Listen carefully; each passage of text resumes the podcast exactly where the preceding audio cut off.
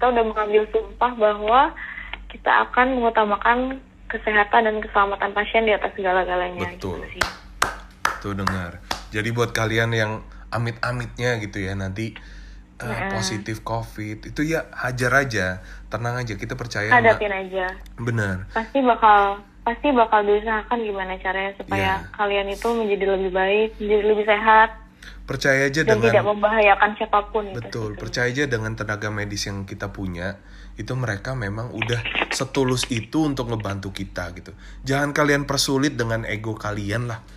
makanya gue kayak ngebuat instastory gue naik ambulans gue diisolasi di hotel gue gini-gini ya supaya kayak ya udah nggak apa-apa jangan takut gitu Iya. bukan berarti ngajak orang kena covid ya kak tapi Iya. maksudnya kalaupun kita sampai kejadian yang kayak gitu semua itu ada solusinya itulah intinya Bukan mengajak orang untuk kena COVID, tapi mengajak orang untuk bisa menang dari COVID. benar Gitu.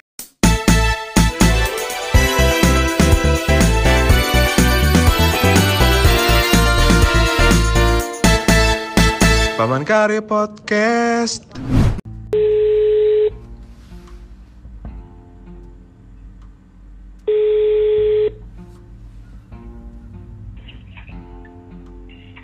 Halo Danes. Selamat datang di Paman Karya Podcast. Yeay. Akhirnya bisa mengundang Danes di sini. hai Nah. kak Dima Halo Danes. Eh gue panggil dokter kayaknya ya. Jadi guys, kaku banget malam ini gue kedatangan bintang tamu yang super keren. Namanya adalah Danes dan beliau kebetulan adalah seorang dokter lulusan dari universitas terkeren lah se-Indonesia. Dan aduh dan beliau juga aktif di dunia eh, sosial. Jadi makanya kita sering bertemulah di berbagai event. Hai Danes, apa kabar Danes? alhamdulillah puji Tuhan sehat Alhamdulillah. Sekarang udah sehat berarti. sehat kak Alhamdulillah sehat Danes. alhamdulillah Eh by the way lagi di mana ini? Gue lagi di rumah baru balik kerja Oh udah udah kerja sekarang. udah kerja sekarang Oh udah berarti udah aktivitas seperti biasa. sudah aktivitas seperti biasa dengan tetap menjaga protokol kesehatan Mantap. 3M Mantap. tetap ya tetap promotif dan Iya, preventif gue lu di sini mau Kampanye. mau kampanye tentang protokol kesehatan bebas. Pokoknya ini jadi sarana dan media lo lah. Ih, mantul lah Nah guys, kenapa tadi gua tanya kenapa Danes udah mulai kerja atau belum? Karena bagi kalian yang kenal sama dokter Danes, mungkin pada ta pada tahu semua kali kalau kemarin dokter Danes sempat menjadi pasien positif COVID-19 ya. Bener gak sih? betul benar Nah, gimana sih rasanya Danes jadi pasien dan ceritain dong kronologisnya kenapa lo bisa sampai kena COVID-19? Hmm, jadi gue tuh berpraktek di dua tempat Hmm. di salah satu puskesmas di Jakarta dan rumah sakit swasta di Jakarta Oke. ceritanya eh, pada akhir bulan September itu gue menangani pasien eh, pasien dengan eh, ibu hamil lah bisa dibilang seperti itu pasien ibu hamil lalu karena gue posisinya tuh di puskesmas itu sebagai dokter UGD gitu pasien ibu hamil lalu eh, dengan keluhan tertentu yang setelah akhirnya terdiagnosis COVID waktu itu gue menggunakan APD level 2 beberapa Oke. hari setelah itu gue ada gejala diare. Sehingga diputuskan oleh tim TPI di tem- puskesmas gue. Itu gue di swab pada tanggal 2 Oktober. Oh jadi gejala yang lu dapetin pertama itu cuma diare gitu ya? Iya, gue nggak demam, gue nggak ada gejala saluran pernapasan atas sama sekali, nyeri perut pun enggak, jadi cuma mencret dan mencret itu sebenarnya mencret, mencret lucu gitu, cuman kayak eh serius bener-bener kayak cuman BAB nya bisa dibilang bukan bukan mencret sih, lebih ke BAB cair. Jadi kalau definisi Oh. mencret itu kan kayak yang lebih dari tiga kali sehari gitu ya. Gue Betul, paling betul, cuma betul. tiga kali gitu. Pagi tuh kayak sering BAB dan BAB-nya tuh cair air campur ampas yang kayak gitu. Aduh jadi ngomongin BAB nih sorry ya. nggak apa-apa nggak apa-apa di Gitu. sini emang Itu gue serapah juga akhir nggak apa-apa September, jadi beberapa hari setelah eh, menangani pasien tersebut dan Mhm. setelah itu gue eh dikabarin nih, eh pasien lo yang di UGD yang ini hasil swab positif seperti itu. Oh, lo ada keluhan nggak sekarang? Ditanyakan kayak gitu. Dia Hmm. nggak main thread, gue bilang kayak gitu. Akhirnya gue diputuskan untuk di swab juga, ternyata hasil positif. nah yang yang pasien yang ketemu positif sama lo yang ibu hamil itu gejalanya apa nih Hmm? Itu dia gejalanya mual muntah dan nyeri perut. Sekarang udah banyak banget gejalanya berarti ya ini Tuh, baru denger ibu, gua eh, ibu tersebut nggak demam, nggak ada gejala saluran nafas atas juga. gitu. Jadi memang untuk ukuran di Indonesia bisa dibilang gejala di luar saluran pernapasan atas itu tuh juga lumayan banyak. Jadi banyak pasien yang datang dengan demam dan sakit perut, demam dan mual, demam dan nyeri ulu hati kayak gitu juga banyak. Jadi tetap atau mungkin cuma mencret keluhannya kayak gitu juga banyak. Jadi memang tetap harus hati-hati gitu. oh jadi mereka pun cuma gejala-gejala yang ringan seperti itu kayak kalau misalnya udah merasa worry mereka kena covid atau enggak mereka bakal tetap datang ke UGD tempat lu itu ya atau ke mana pun Iya, em, sebenarnya sih ibu ini awal datang itu memang kan dengan- hanya dengan mual muntah biasa yang pada kehamilan muda itu kalau misalnya kita belajar kedokteran itu memang ada yang kita sebut namanya hyperemesis gravidarum. Jadi kondisi di mana lagi tinggi-tingginya nih hormon kehamilan sehingga menyebabkan eh, atau biasanya disebut warning sickness gitu ya ibu-ibu tuh Hmm. suka muntah-muntah gitu kan kalau ngidam kan. ngidam kayak ngidam bukan ya kayak Cuman setelah gimana kak? kayak ngidam gitu bukan ya Bukan, jadi kayak biasanya kan Bukan. ibu-ibu tuh kalau hamil muda kan pagi-pagi tuh suka mual, suka muntah gitu ya. ya ya ya Hmm, nah. Tapi eh, pada kondisi ini tuh memang nggak perbaikan sehingga waktu itu diputuskan untuk melakukan rapid test ternyata hasilnya reaktif dan ternyata hasilnya positif gitu. Hmm, dan pas kemarin itu Danes di di swab test swab test Gue di swab, hmm. di swab dan di situ langsung ketahuan positif covid iya. Tanggal 2 diambil sampel, Mhm. tanggal 4 ada hasil, gue yang positif. Gue dan beberapa teman di puskesmas positif juga gitu. dan itu lang dirawat di mana nis Jadi setelah uh, gue di kabarin hasil positif itu, gue kan udah nggak bergejala tuh sebenarnya. Jadi gue Hmm. tuh memang main cerita tuh beberapa hari sebelum di swab aja gitu. Dan itu cuma kayak dua harian gitu. Soal itu gue udah nggak main cerita, gue nggak demam, nggak ada uh, keluhan apa-apa. Ditawarkan oleh alhamdulillahnya uh, pihak puskesmas tempat gue bekerja tuh sangat membantu. Jadi ditawarkan untuk difasilitasi untuk melakukan isolasi mandiri. Karena sebenarnya gue juga nggak mungkin untuk isolasi di rumah karena di rumah ada bokap nyokap yang notabene punya komorbid, adik gue juga obes, jadi nggak mungkin gue isolasi di rumah. Yang kamar mandi nggak mungkin dipakai bareng-bareng dan lain-lain. Jadi gue memutuskan untuk waktu itu diberi pilihan sih kalau misalnya di Jakarta Mhm. saat ini tuh yang tersedia itu untuk OTG itu bisa di hotel atau Ah. di Wisma Atlet oke kalau misalnya dengan gejala ringan yang kita sebut gejala ringan itu kayak misalnya batuk, demam kayak gitu. Gejala Hmm. ringan sedang lah, misalnya batuk atau cuma pilek aja gitu. Nafasnya biasa, itu biasanya pilihannya bisa di Wisma Atlet. Tapi tetap yang rumah sakit. Jadi Wisma Atlet itu terbagi jadi dua sih setahu gue.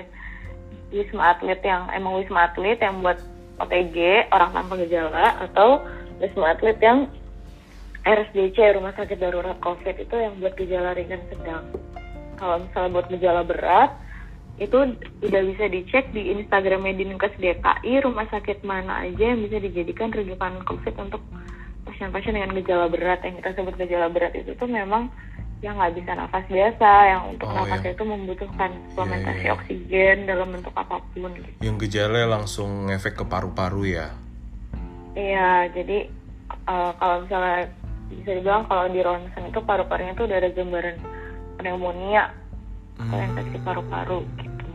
Atau misalnya pasien-pasien dengan gejala sedang yang kayak misalnya batuk sama demam aja, tapi Hmm. pasien ini udah usianya udah lanjut atau pasien ini punya komorbid yang kita sebut komorbid kan kayak darah tinggi gitu ya, kencing manis, Iya. penyakit ginjal, ada kanker, riwayat asma yang kayak gitu gitu kan itu kan bisa banget nih menjadi perburukan Kondisi pasien ini kan bisa aja iya. suatu saat nanti lama-lama dia jadi sesak jadi lebih baik dia dirawat di rumah sakit gitu Jadi memang pemerintah pun udah ngebagian ya Sis, Eh, tergantung dari eh, tingkat yang diderita dari pasiennya itu sendiri untuk isolasinya benar ya. kalau setiap daerah sih beda-beda tapi kalau Hmm. kebijakan dinkes DKI Pemda DKI sih seperti itu Nah. tapi eh, kalau misalnya gue sorry gue juga kurang update sih kalau misalnya di tempat lain di kota lain itu seperti apa tapi kalau misalnya di DKI sih kebijakannya kayak gitu Nah, untuk kar apa isolasi sendiri, kalau Danes kan di hotel ya.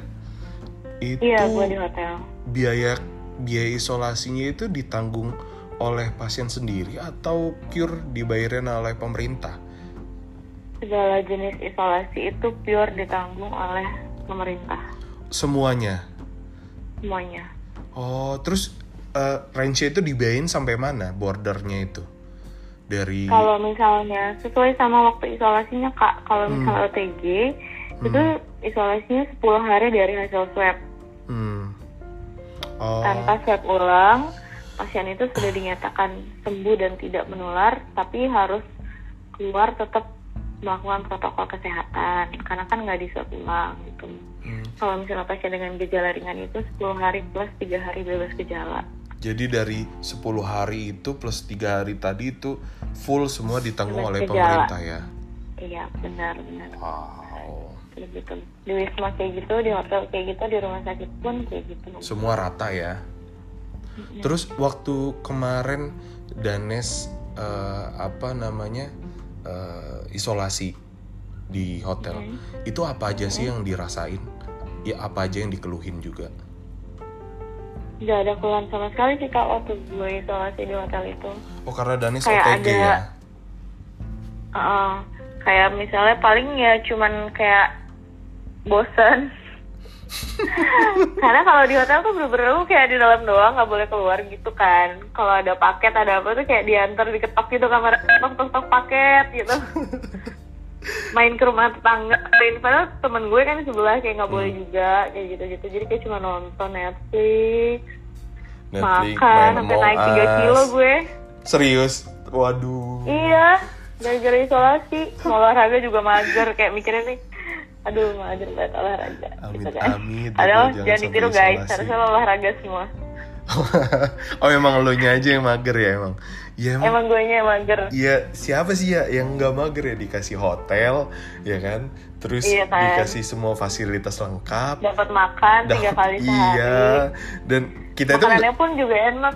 Iya nggak bisa nolak makan gak sih? Kita kayak, wah tubuh gue harus Nggak banyak bisa. asupan nih, ya kan?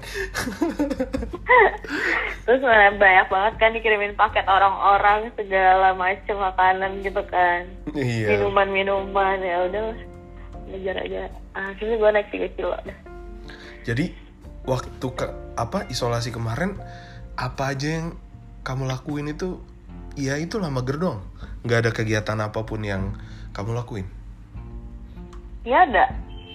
Pure. Pure. Pure tidur-tiduran doang sama makan. Hmm. Menonton. Terus di sana gimana, Nes untuk apa namanya eh, kamu dirawatnya gitu terus eh, dari pihak hotel memberikan supply apa atau ada vitamin nggak yang kamu yang diberikan kepada kamu atau ada obat nggak gitu? Oke, jadi prinsipnya hmm, kalau misalnya pasien itu OTG, ini gue jelasin alurnya dulu kali ya biar orang-orang tuh kalau misalnya kayak Boleh, anjir gue positif gitu kan, kan sekarang kan udah trennya bergeser nih. Kalau dulu kan kasus lagi mau naik nih, sekarang kan kasus sudah banyak banget nih. Jadi orang-orang pertanyaan udah kayak anjir gue positif apa yang harus gue lakuin gitu kan pasti semua orang itu ada parno lah ya kan karena tahu Iya. sendiri stigma corona Gimana? udah jelek banget kan nah gimana tuh biar Sebenarnya- biar pendengar ini nggak nggak panik pemerintah sebenarnya ke Pemda DKI sih terutama Pak Anies dan orang-orang dari Dinkes DKI itu berusaha sebisa mungkin kalau misalnya memang teman-teman ini ada yang positif itu dilakukan isolasinya di eh, tempat yang memang sudah ditunjuk untuk dilakukan isolasi. Mhm. Kalau misalnya yang memilih untuk melakukan isolasi mandiri di rumah, ada beberapa syarat yang harus dipenuhi. Hmm.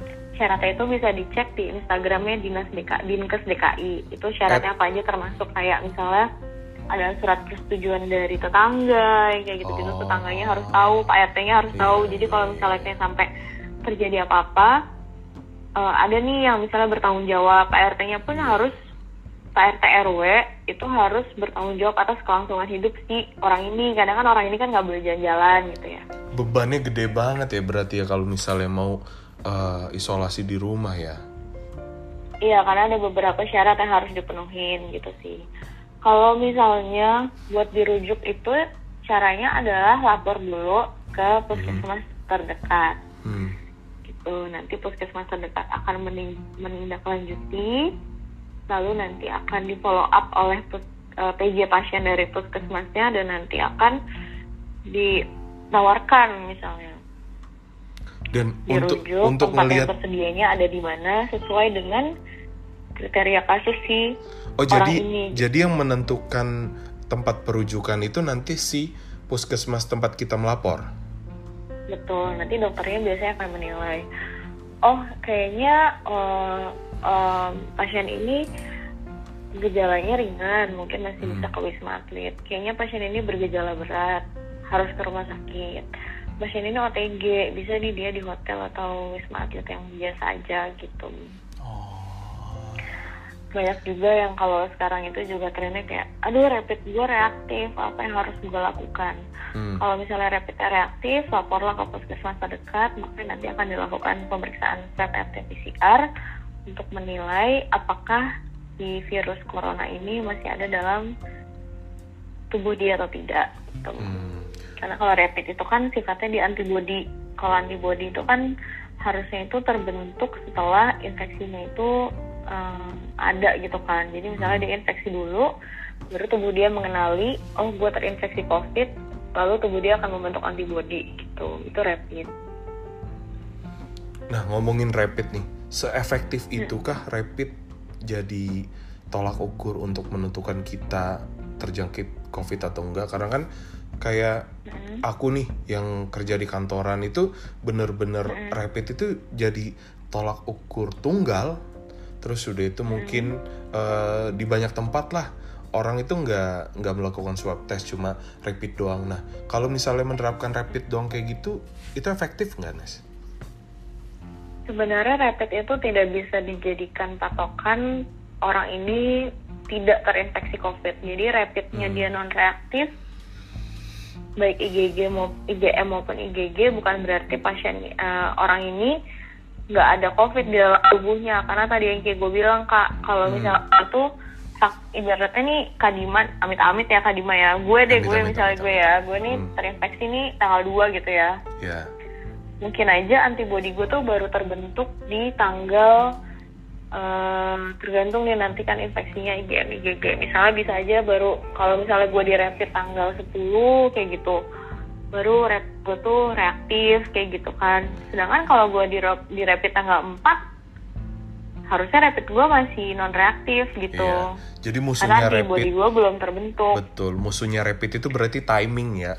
Kayak Bener, satu timing, satu ada juga nih karena dia itu kalau misalnya kita bicara tentang rapid itu kan kalau di kedokteran itu namanya pemeriksaan penunjang. hmm, Kalau pemeriksaan penunjang itu tuh kita ngeliat juga sih beberapa seberapa sensitif dan spesifik sih pemeriksaan ini gitu. Bisa juga misalnya dia tuh sebenarnya udah terinfeksi tapi tidak terdeteksi di rapid itu gitu. Memang kalau sekarang cuman kan gue nggak bisa bicara banyak karena rapid ini memang digunakan oleh gugus tugas COVID di Indonesia kan hmm, yang memang dijadikan salah satu alat untuk membantu gitu untuk Jadi- melakukan screening gitu kan Berarti screening Cuman termudah lah ya.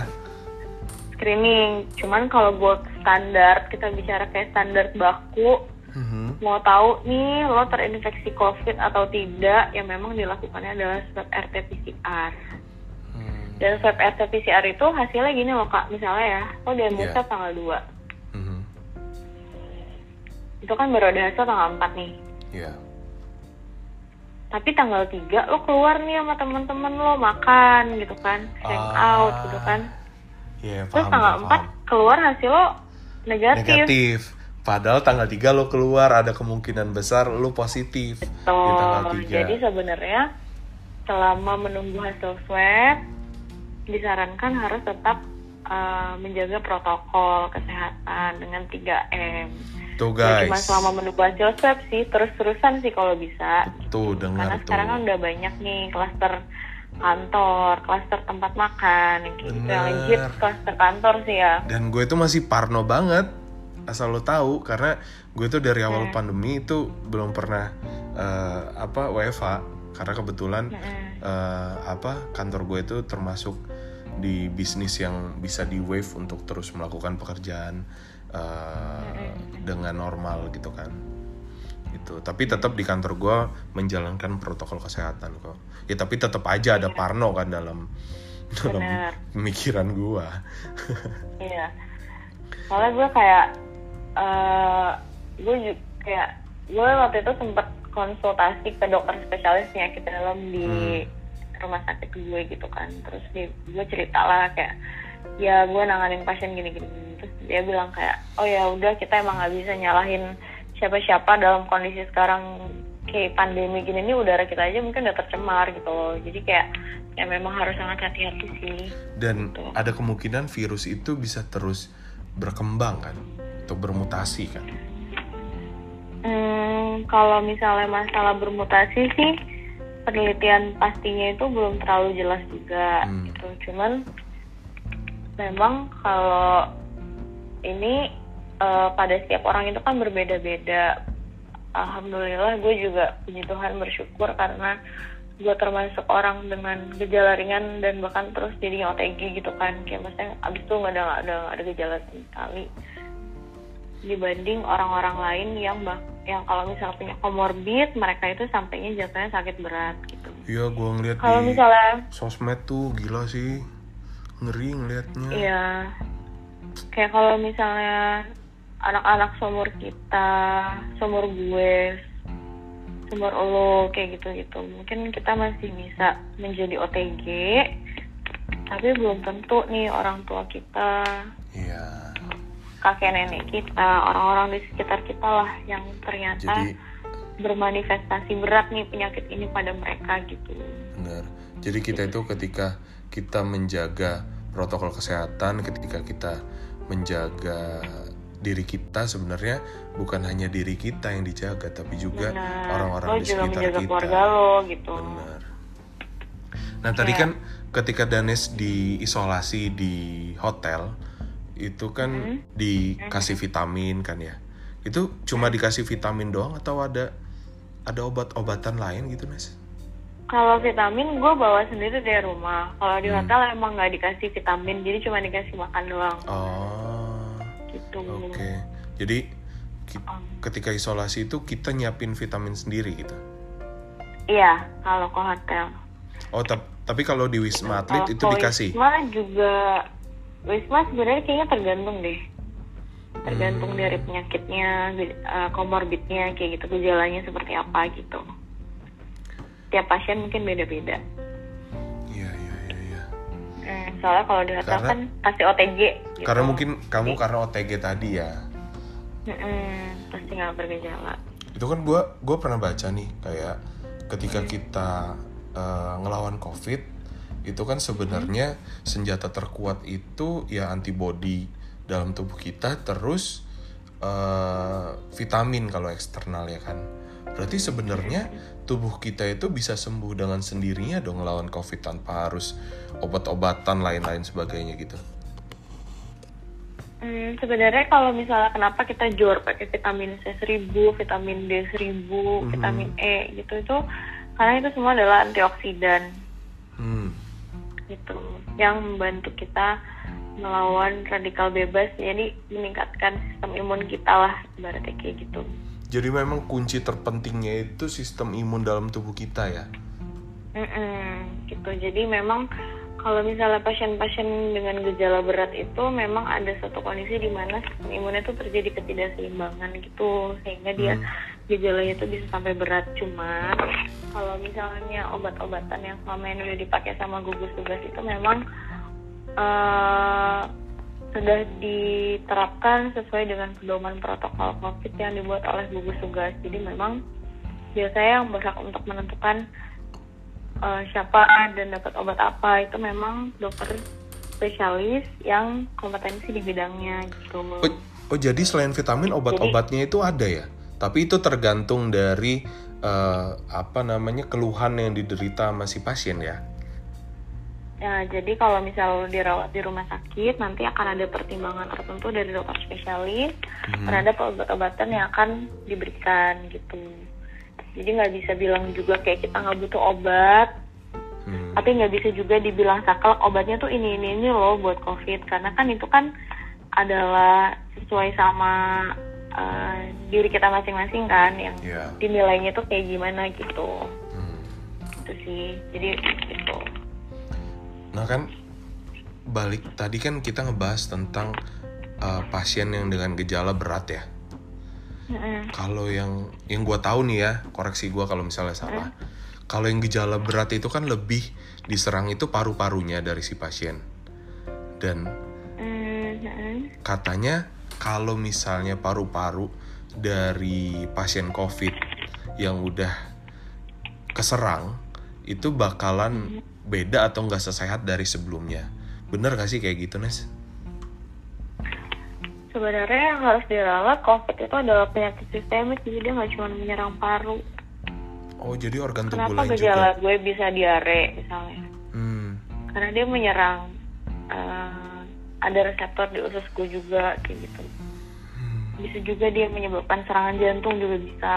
Jadi sebenarnya reseptornya tuh ada di seluruh tubuh gitu. Jadi dia nggak cuma menyerang paru. Tapi kenapa kita bilang gejala beratnya itu paru? Karena pasien itu cenderung jatuh dalam perburukan yang berupa sesak nafas. Gitu sih kak. Itu udah berarti Tapi- kalau misalnya udah sesak napas itu udah yang paling paling berat lah ya. Eh, bisa dibilang berat. Tapi ada juga sih yang gejalanya misalnya diare sampai dehidrasi. Hmm. Ada juga kayak gitu. Oh. Yang kalau dehidrasi kan bisa juga dibilang berat dong kayak gitu. Oke, berarti Atau gua misalnya- gua ganti pertanyaannya Hmm. kayak eh, Makanya memang si COVID ini kan adalah penyakit sistemik. Maksudnya penyakit sistemik itu penyakit yang sebenarnya bisa nyerang di mana aja loh, nggak cuma paru gitu. Oke, berarti Jantung organ bisa, tubuh bisa. organ tubuh mana aja yang diserang itu bakalan nggak bisa kembali ke sebelumnya. Apakah benar kayak gitu atau sebenarnya bisa Enggak, balik enggak. lagi? Nggak benar kayak gitu kok. Karena berdasarkan pengalaman gue sih kalau misalnya dievaluasi eh, pasien-pasien dengan gejala berat itu kalau misalnya dievaluasi paru-parunya memang menunjukkan perbaikan gitu. Hmm. kalau di ronsen ulang pasti ada perbaikan secara klinis. Cuman kalau misalnya untuk menilai dia kembali seperti semula itu kan butuh beberapa maksudnya butuh proses kan waktu Iya. beberapa bulan Ya gitu nggak nggak langsung sekejap langsung sembuh kan. bener-bener bersih gitu kan bener-bener nggak ada lagi gambarannya gitu Ibaratnya sel-sel dalam tubuh kita juga itu ya apa namanya eh memperbaiki lah ya. Nah, Nah balik lagi ke lo nih Nes. Gimana sih cara lo biar bisa sembuh dari COVID? Rahasianya apa? Hmm, gue sih selama uh, gue pun jujur waktu pertama terinfeksi itu juga kayak kaget, shock, pasti ya namanya tenaga medis juga manusia Ya, gitu ya, kan betul, yang betul, kayak betul. iya kaget juga walaupun tiap hari gue ketemu pasien covid.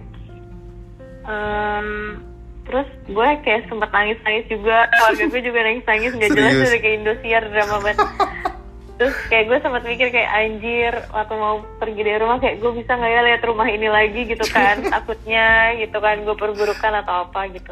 Tapi selama isolasi sih setiap hari gue uh, menjalani hari dengan positif aja. Kayak Hmm. gue kayak suka bilang-bilang sendiri kayak ya ya lo keren lo bisa melewati ini it's just another day kayak gitu. Terus kayak gue lihat-lihat hal-hal yang bikin gue happy gue uh, shopping online gue buka-buka Instagram yang Mahal lucu-lucu, ya untuk buka- buka bahagianya ya. Twitter lucu banget kayak gitu Iya iya. iya. bahagia aja terus nelfon orang-orang yang pengen gue telepon sekalian juga sih bisa karena kan banyak kalau misalnya sebenarnya sih ada positif gimana ya selalu ada positifnya dari sesuatu hal gitu kan kak Benar. Apalagi Kayak kita orang Indonesia. Banyak banget orang yang doain. Jadi kayak lu tuh bisa tahu kalau sebenarnya lu tuh kayak wow ternyata banyak lo yang peduli dan sayang sama lu gitu. Iya, kayak bisa contohnya jadi ngobrol sama orang-orang yang udah lama nggak ngobrol kayak gitu. Kayak contohnya aja gue ya Nes ya. Dengan gue gua tahu lo positif covid aja ya. Lo tau nggak yang di pikiran gue itu? Karena yang selama ini yang gue tahu yang gue lihat di media sosial itu yang covid itu udah parah banget gitu loh. Kayak dari kita awal eh, eh, pemerintah announce tentang covid ada ada pasien 01 di Indonesia. Itu itu gue ngikutin berita udah parno abis lah. Kayak gila separah ini penyakitnya gitu loh. Dan itu impactnya ke lo karena bisa dibilang lo adalah orang dalam circle terdekat gue yang pertama kali positif covid gitu gue tuh mohon maaf nih sempat ada pemikiran kayak apakah gue nggak bakal ngeliat Danes lagi kayak gitu loh udah kayak kayak gitu gue tuh sampai makanya gue gue naik Nes gimana Nes keadaannya kayak gitu tapi Iya nggak cuma lo yang mikir gitu, gue juga mikir gitu. Iya. Mikir gue sendiri juga mikir gitu. Tapi jujur nih, dari segala stigma negatif tentang COVID yang gue tahu, Mhm. yang gue baca, dari pandangan lo, separah itukah COVID, Nes? Parah sih COVID. Parahnya gue di sih mana? parah karena eh, kas Indonesia dibandingin negara-negara lain itu telat. Maksudnya kayak susah, lumayan susah lah untuk menerapkan protokol di Indonesia dengan segala kesulitannya itu karena macam-macam ya kak menurut gue karena Hmm. demografisnya ya kan Iya. usia penduduknya yang berbeda-beda gitu kan. Maksudnya banyak usia muda banyak juga usia-usia lansia usia produktif juga banyak kayak gitu. Culture juga mungkin. culture terus Indonesia tuh gede banget di mana tersebarnya penduduknya itu juga eh, ke berbagai pelosok tuh ada gitu kan. Itu juga pasti menjadi kesulitan terus apalagi kita terpulau-pulau beda sama negara lain yang mungkin kayak ya udah satu ibaratnya satu pulau itu daratan yang diurusin kan itu gitu Hmm. itu sih Jadi memang kalau dari poin jadi ya sulit hmm. karena eh, yang bikin kita kasusnya juga jadi naik terus ditambah Iya. pemerintah juga syukurnya masih nggak bosan terus-terusan untuk mengingatkan pentingnya protokol kesehatan dan kebijakan-kebijakan pemerintah daerah yang udah baik juga menurut gue kayak kalau gue yang gue tinggal di Jakarta yang gue alamin Pak Anies kemarin sempat melakukan tarik rem darurat Oh, itu- PSBB total itu kan salah satu kebijakan yang diambil itu keren dan sih. itu sebenarnya lumayan tepat gitu Iya, jadi- karena jadi kayak- lumayan juga tuh Hmm. turun kasusnya gitu Benar. Dan dia kayak nggak peduli sama sama elektabilitas dia lah kalau soal politik ya. Bodoh amat. Yang penting gue pengen nyelamatin warga gue dulu kasarnya kayak gitu. terus kalau misalnya ya dari situ dinilai kan oh ternyata bisa nih kita PSBB transisi lagi Hmm. kayak gitu ya memang beratnya kayak gitu sih kak dan keterbatasan kita juga terhadap eh, rumah sakit terhadap jumlah bed terhadap jumlah ICU ibaratnya kayak gitu karena jujur membuat sebuah rumah sakit ruangan isolasi dan mem- menjadikan sebuah ruangan itu adalah ICU itu nggak segampang itu gitu mungkin Iya. gampangan bikin candi semalam kali daripada bikin ICU. Ya, sebenarnya ICU itu kan kita ngomongin dari tempatnya ideal atau tidak Hmm. terus eh, alatnya lengkap atau tidak tenaganya Iya. karena kan kalau misalnya ICU itu kan juga beda Em, tenaganya itu beda harus perlu pelatihan dan lain-lain kayak gitu sih prosedurnya beda ya kan? Hmm, harus diawasin terus-terus kan namanya kan intensive care unit. Jadi memang nggak segampang itu untuk kita bilang kayak ya lo bikin kalau misalnya kurang ICU-nya ya adain aja ICU gitu. Nggak ICU segampang dadakan. itu untuk ngomong. Itu makanya ya yang bisa kita lakukan sebagai pendengar-pendengar podcast yang mungkin adalah usia produktif ya itu tadi sih menjaga. Kalau misalnya kita yakin nih misalnya oh gue yakin kalau gue kena covid paling gue OTG tapi belum tentu loh keluarga lo juga gitu. Iya. Jadi sekarang prinsipnya adalah jaga keluarga lo dulu deh gitu dengan menjaga Ingat deh, keluarga itu otomatis orang lu menjaga rumah. menjaga lu atau sendiri. umur seumur kita kan udah punya anak juga. Inget deh anak lo di rumah kayak gitu. Siapa tuh yang punya anak? Siapa tuh? Sebutin dong yang punya anak siapa. Gitu. Nah Nes, tadi gue tertarik sama yang bagian antibody ya. Kalau kita kena COVID, kan tubuh kita tuh otomatis ngerespon dengan membentuk antibody yang eh, dapat memerangi virus COVID tersebut lah gitu kan. Sistemnya kayak gitu kan.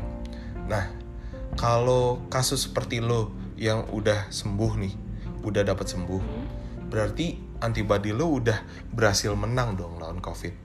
Nah dengan kondisi yang kayak gitu, apakah bisa dikatakan tubuh lo itu udah kebal terhadap COVID atau sebenarnya lo masih ada kemungkinan untuk bisa terjangkit COVID kembali? Gue masih ada kemungkinan untuk terjangkit covid lagi Oh gitu. Jadi ketika Iya. seseorang itu sembuh, bu- bukan serta merta dia menjadi kebal. enggak Oh. nggak ada orang yang kebal terhadap covid cuman memang hmm, itu sebenarnya masih diteliti lebih lanjut sih kak kayak misalnya gimana sih orang yang udah pernah positif itu mekanismenya kalau misalnya dia terjangkit lagi itu apakah dia terjangkit jenis virus yang sama maksudnya covid tapi apakah dengan strain yang sama gitu. apakah strain yang berbeda sehingga dia bisa menjangkit lagi lalu masih diteliti juga apakah orang yang sudah pernah kena covid kalau misalnya terkena covid lagi itu dia akan menjadi lebih parah atau enggak kayak gitu-gitu tuh masih diteliti sebenarnya jadi Oh, gue belum berani juga untuk ngomong Jadi masih simpang siur juga ya? semua orang iya semua orang yang kalau misalnya kayak oh gue udah pernah kena covid gitu aman nih gue gitu nggak jangan berpikir kayak gitu Hmm. makanya kalau misalnya lu selesai isolasi mandiri pun panduan itu tetap harus keluar dari isolasi mandiri lu bersedia untuk mematuhi protokol kesehatan 3M Benar, itu sih kuncinya. harus dijaga Apa 3M itu Nes? Sebutin dong. apa coba Kadima apa enggak Gue inget yang pesan ibu, pesan ibu anjir. mencuci Eh. tangan Oh mencuci tangan. Terus M kedua memakai masker memakai masker. M ketiga menjaga menjaga. jarak Oh menjaga jarak. Tuh guys, inget ya. Walaupun kalian nanti amit-amitnya kena COVID, terus nanti bisa sembuh, ingat protokol kesehatan 3M tadi harus kalian terapin di tiap waktu, di tiap tempat, di mana pun kalian berada. Yaitu mencuci tangan, memakai masker, dan menjaga jarak. iya benar Hmm, gitu ya. Gitu. Jadi memang karena Iya, gue bisa mikir eh, kita bisa kebal tuh kayak konsep itu nggak sih herd immu- immunity nggak sih? Eh, herd immunity iya itu herd kalau herd immunity tuh kita bicaranya dalam skala besar gitu ya kak jadi kayak ibaratnya semua orang di Indonesia ini minimal 75 70 persen apa ya kalau nggak salah. Hmm, terkena covid kayak gitu. Nah tapi kan itu masih diteliti tuh kak. Ya. yang tadi gue cerita bener gak sih kalau misalnya covid itu kalau bisa nggak sih lo kenal lagi dengan strain yang berbeda gitu? Karena namanya juga penyakit baru semuanya masih dipelajari semuanya masih baru buat kita semuanya masih hmm, Jadi ya sekarang masih mah harus mulai dari awal lah kayak mungkin dulu zaman zaman dulu pertama kali ada TBC iya Nah, kayak gitu benar-benar. TBC kan udah berlangsung berapa tahun nih. Kita sekarang mau udah maksudnya ibaratnya kalau TBC udah tau lah ya, karakteristik penyakitnya tuh kayak gimana. Kalau lu kan udah ada guideline segala macam sampai kayak kalau lu nggak lolos pakai obat maksudnya pakai obat yang ini lu nggak bisa lu ganti obat ini habis itu lu ganti obat ini udah ada pakemnya gitu kalau sekarang kan semua tuh masih belajar sih sama-sama belajar di seluruh dunia nggak cuma di Jadi Indonesia masih abu-abu semua lah ya. Jangan, jangan kan TBC Dulu- masalah eh, infeksi aja kan. Dulu kan infeksi dikit kita bisa meninggal kan? Kalau nggak salah gitu kan. benar belum zaman belum ada Belum ada antibiotik kan. bener. Dan Hmm, jadi intinya kita jangan jumawa lah ya. Selalu eh, sedia payung sebelum hujan. Jangan pernah ya sombong lah udah ngerasa diri lo kebal. Enggak. Karena yang kita lawan itu sebenarnya bisa dibilang kasat mata juga ya Nes ya? Iya orang kecil banget kan. Hmm, kayak mungkin aja lu lagi kayak abis pegang pintu lu gosok hidung ya. Hmm. ternyata sebelum lu OTG yang Nah. megang pintu itu. Terus dia habis gosok hidung juga tapi dia gosok hidung dulu baru megang pintu. Eh lo megang pintu dulu baru gosok hidung ya udah deh Iya anjir sekarang tuh kayak apa-apa mesti cuci tangan, apa-apa mesti pakai hand sanitizer kayak gitu. percayalah apa yang kita lakuin itu lebih maksudnya ribet. Ribet Hmm. lah pasti. Ya kan? Ribet kan cuci tangan mulu ngap pakai masker mulu. Tapi percayalah kalau apa pun yang lo lakuin itu jauh lebih worth it daripada lo kehilangan keluarga lo sih menurut gue gitu. Atau lo kehilangan orang-orang di sekitar lo lah Jadi beribet-ribet Ya sih? dahulu sebelum berbahagia kemudian nanti ya. Tapi paling cepat positifnya vaksinnya. tetap aja sih kalau orang Indonesia mah bisa ngambil hikmahnya gitu.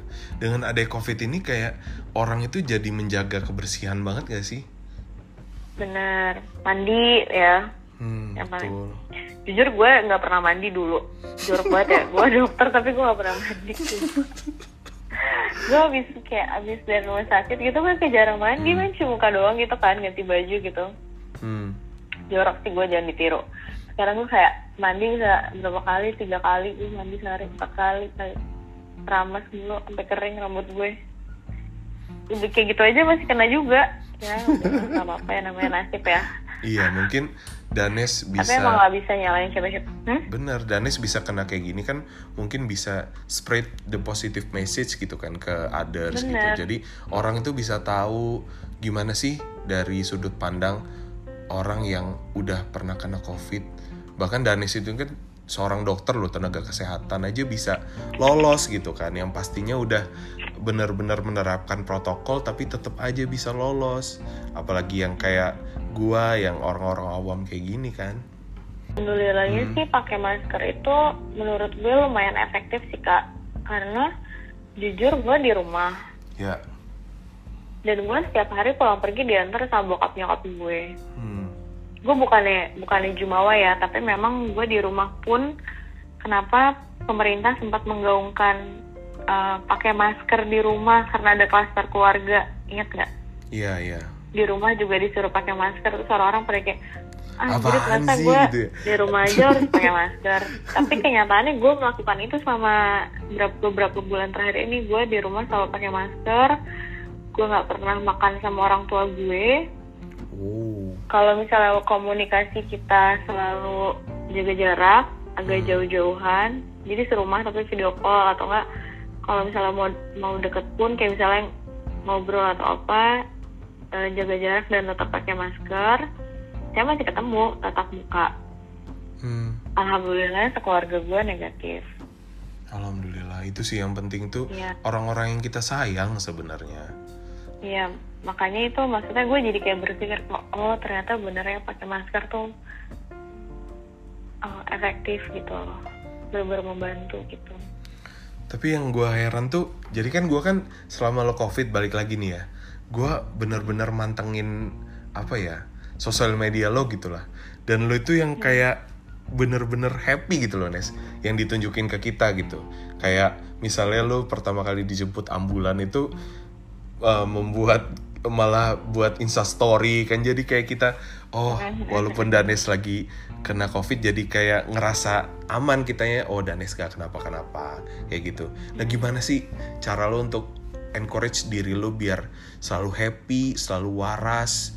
Eh, padahal pada saat itu lo kena covid yang notabene itu udah stigma-nya udah nggak bener banget lah di masyarakat tentang penyakit itu. Hmm.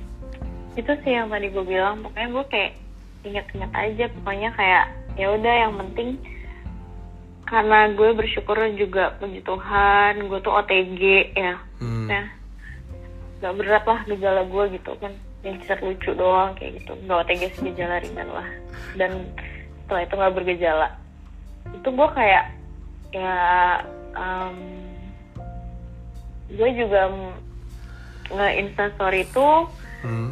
Sebenarnya supaya kayak orang-orang tuh juga tahu kalau misalnya eh, jangan lu stigma yang enggak-enggak gitu loh gitu. Karena eh, bukan gue bukannya bilang covid tuh nggak parah ya covid tuh parah. Hmm. cuma kan memang tergantung eh, imun kita kan ketika kita kena itu kita kayak gimana gitu.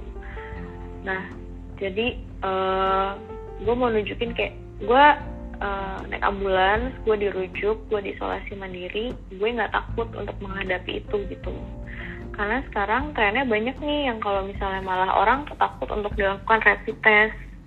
Orang tuh takut untuk dilakukan swab test. Kalau misalnya dinyatakan eh, ini gue bukannya mendes mendiskreditkan atau mengarah ke suatu populasi atau gimana. Cuman Iya. sekarang itu memang trennya itu kak orang tuh nggak mau di rapid test orang tuh nggak mau di swab test ketika hasilnya dinyatakan positif lebih banyak denial yang kayak Iya, betul. nggak mungkin gue kena covid nggak mungkin gue eh, bisa kayak gini karena selama ini covid tuh nggak ada covid tuh dibuat-buat yang kayak gitu-gitu Hmm. covid tuh bohongan cuman konspirasi Iya, yang kayak gitu banyak itu. terus jat banyak terus jatuhnya malah jadi kayak uh, ketika kita tadi. bilang kita di uh, dari hasil pemeriksaan yang mengarah ke arah covid Hmm. malah hmm, orang itu malah kayak ah marah yang kayak gitu kan Iya. denial terus kayak apaan sih ngada Takut ngadi ngadi malah. lo gitu ya Iya. apaan tuh covid kayak gitu intinya adalah jangan takut dihadapin aja kalau misalnya eh, pemerintah tenaga medis fasilitas kesehatan yang ada saat ini tuh sangat mendukung orang untuk Sembuh dari COVID. menghadapi ini gitu loh Hmm. maksudnya kayak eh, difasilitasi kayak gue naik ambulans dikasih hotel dikasih makan enak gitu jangan takut gitu loh maksudnya It's Jadi okay hadepin kalau aja, Nes, ya. pun- Mm-mm, gitu kalau misalnya pun bergejala akan dicoba diobatin. Kayak gitu. Percayalah kalau misalnya nggak ada tenaga medis atau pemerintah atau orang-orang di fasilitas kesehatan yang mau merugikan pasiennya gitu loh. Nggak ada nggak merugikan orang-orang itu nggak ada untungnya buat kami gitu loh kak. Iya, jadi Ya kan? memang tugas kalian kalau tuh ya gue untuk merugikan lo untung gue apa gitu? Iya, ada untuk karena kita menyembuhkan orang, berharap kan? kita udah mengambil sumpah bahwa kita akan mengutamakan kesehatan dan keselamatan pasien di atas segala-galanya Betul. gitu sih. tuh dengar. Jadi buat kalian yang amit-amitnya gitu ya nanti uh, positif COVID itu ya hajar aja, tenang aja kita percaya hadapin aja bener. pasti bakal pasti bakal diusahakan gimana caranya supaya Iya. kalian itu menjadi lebih baik menjadi lebih sehat Percaya aja dan dengan tidak membahayakan siapa pun itu Betul, percaya aja dengan tenaga medis yang kita punya, itu mereka memang udah setulus itu untuk ngebantu kita gitu. Jangan kalian persulit dengan ego kalian lah. makanya gue kayak ngebuat instastory gue naik ambulans gue diisolasi di hotel gue gini-gini ya supaya kayak ya udah nggak apa-apa jangan takut gitu Iya. bukan berarti ngajak orang kena covid ya kak tapi Iya. maksudnya kalaupun kita sampai kejadian yang kayak gitu semua itu ada solusinya itulah intinya Bukan mengajak orang untuk kena COVID, tapi mengajak orang untuk bisa menang dari COVID. bener Gitu kan. Nah, Nes, eh, ada nggak sih perubahan yang Danes rasain dari Danes ketika sebelum kena COVID dan Danes sesudah COVID? Baik itu dari sisi raga ataupun jiwa. Terus kalau misalnya emang ada, apa sih itu kalau boleh tahu? Eh, jujur gue nggak ada perubahan sih kecuali berat badan yang pertama. Jadi lebih engap bukan berat kak bukan karena apa. Bukan baju karena jadi tambah napas sempit ya. gitu. Jadi memang lo selama isolasi bahagia gitu ya. bahagia gue. Nggak jujur eh, nggak ada yang gue alamin. Physically I'm fine. Hmm. mentally I'm fine tuh uh, selesai isolasi mandiri hari ke 10 besoknya gue udah langsung kerja gue beraktivitas seperti biasa bahkan gue sempet jaga demo waktu tanggal 12 sampai jam 9 malam. Alhamdulillah puji Tuhan baik-baik aja nggak ada apa-apa. Tapi yang tadi gue bilang gue bersyukur gue adalah sebagian dari orang yang OTG yang terkena virus ini tapi tidak bisa disamaratakan terhadap uh, semua hal eh semua pasien gitu ya. Jadi maksudnya pesan yang ditangkap dari obrolan kita ini jangan kayak oh dia tuh kena covid terus kayak biasa aja nggak ada apa-apa gitu. Hmm. terus kayak nggak bisa disamaratakan seperti itu. Jadi kalau bisa jangan sampai kena gitu iya iya. Betul betul betul, betul. tapi kalau misalnya udah sampai udah misalnya udah kena ya udah. Mari kita usahakan bersama-sama gitu. terus semangat untuk sembuh ya. Mm nah kalau Danes sendiri ke depannya nih ada nggak sih niat dari Danes untuk menyuarakan biar kita semua bisa memerangi COVID dan apa yang bakal Danis lakuin mungkin? Hmm, tentunya sih gue bakal tetap berusaha semaksimal mungkin di sesuai sama proporsi gue sebagai dokter untuk melayani pasien dengan segala macam diagnosisnya ya mau hmm. covid bukan covid covid pun nggak apa-apa nggak masalah. Kita tetap bantu. Dan yang tadi tetap melakukan edukasi yang kayak gini-gini nih kak. Iya. Yeah. supaya orang-orang tuh tetap uh, semangat. Capek sih pasti. Ini udah bulan ketujuh kita kayak gini loh ya kan? Iya kayak nggak ada jalan pasti keluar namanya, gitu kan. bener. Kayak orang-orang bilang 2020 tuh isinya tuh kayak pakai masker doang ya gitu kan. Iya anjir. 2020 ini satu-satu tahun yang nggak kerasa udah Oktober ini anjir. Gua... benar dan gue rata-rata goals orang-orang di 2020 ini tidak tercapai. Benar. Nggak bisa pergi ke tempat yang kita mau nggak bisa bebas ngapa-ngapain. Cuman hmm. uh, percayalah bukan cuman kalian yang mengalami ini tapi semua. Seluruh dunia ya. Nggak cuman seluruh dunia bener banget seluruh dunia. Nggak cuman lu tapi juga gue tapi juga temen lu tapi juga orang-orang di sekitar lu juga kayak gitu gitu jadi hmm. semakin kita sabar dan semakin kita bertahan untuk memerangi ini percayalah Tuhan tuh nggak tidur loh pasti gue sih masih percaya Tuhan akan membantu kita gimana pun caranya asal kitanya juga mau berusaha benar nggak kak? Benar. Benar. Jadi kalau misalnya kita masih berusaha untuk oh ya udah gue masih semangat gue masih menjaga gitu gue masih tetap patuh dengan protokol dan lain-lain gue percaya kalau Tuhan kalau kata orang Jawa tuh gusti buatan sare. Pasti Tuhan tuh dengarlah cerita Jadi, umatnya. Pasti, entah tiba-tiba vaksin ketemu ya kan? Iya pasti masa ini akan tiba-tiba vaksinnya oke okay ya. Iya. percayalah. pasti masa ini akan berakhir. Jadi sekarang kita yang sedang menjalani fase ini ya lakukanlah yang terbaik gitu. Tetaplah menjaga protokol kesehatan stay positif terus jagalah yeah. diri kalian masing-masing karena niscaya ketika kita menjaga diri kita masing-masing orang-orang di sekitar kita yang kita sayangi pun akan tetap terjaga. Terjaga. Betul. Dan yang yang gue mau luruskan yang tadi kak stigma stigma terhadap ya, covid itu uh, banyak gue ini di covid kan yang kayak gitu. Ibu hamil di covid kan dan hmm. lain-lain. Percayalah nggak ada hal-hal kayak di covid kan mengcovidkan orang itu nggak ada. Kita uh, gue dan teman-teman tenaga medis semuanya pemerintah juga pasti berusaha yang terbaik. Kita sudah mengambil sumpah. Nggak boleh maksudnya kayak melakukan hal-hal kayak itu boh, uh, merubah diagnosis membohongi orang bohong-bohong misalnya kayak bilangnya nggak covid tapi covid yang kayak gitu-gitu kak hmm. itu adalah hal yang sangat terlarang dengan nggak mungkin kita lakuin kayak gitu iya. jadi percayalah kalau misalnya kita tuh memang bertulus untuk membantu dan sebenarnya kalau misalnya memang sudah terdiagnosis kita akan berusaha bersama-sama untuk memikirkan caranya memang tapi karena ini adalah pandemi, di mana ini adalah penyakit yang menular, memang salah satu caranya adalah dilakukan isolasi dengan segala rangkaiannya gitu. rangkaian isolasinya satu itu yang kedua stigma eh, pasien covid jadi dikucilkan dari masyarakat banyak juga yang kayak gitu sekarang Iya. makanya banyak banget pasien-pasien yang kayak eh, mau diantar ke rumah sakit jangan jemput di sini takutnya di, dijemput pakai ambulans nanti gimana gimana pasien keluarga dan lain-lain harusnya kalau misalnya ada pasien covid itu berarti kita harus beli support karena dia harus melakukan isolasi mandiri sehingga dia tidak bisa bekerja ya kan Iya. dia tidak bisa menafkahi keluarganya mungkin Yang jelas uh, dan kegiatan dia dia yang jelas keganggu lah. juga juga seperti yang gue alamin ketika lo terdiagnosis itu adalah fase yang maksudnya lumayan berat dan pasti lo lumayan kaget dan lo lumayan kayak sedih dong pasti gitu Betul.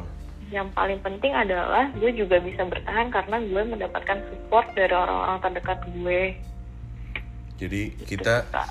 kita sebagai ya umat manusia lah harus saling tolong menolong ya dengan benar kalian yang udah tulus uh, melindungi kita semua dari uh, COVID itu mohon jangan dibayar ketulusannya dengan pikiran-pikiran negatif dan juga untuk yang pasien yang sudah terkena COVID ya harus kita support karena kita kan uh, umat manusia balik lagi.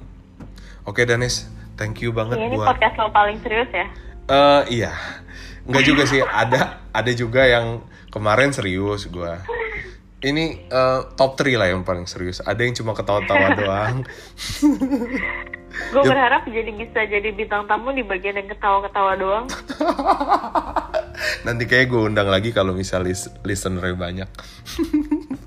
Nanti kita ngomongin itu ya, yang sudah punya anak, oh enggak ya? astaga ntar orangnya dengar Oke Nes, thank you banget buat waktunya.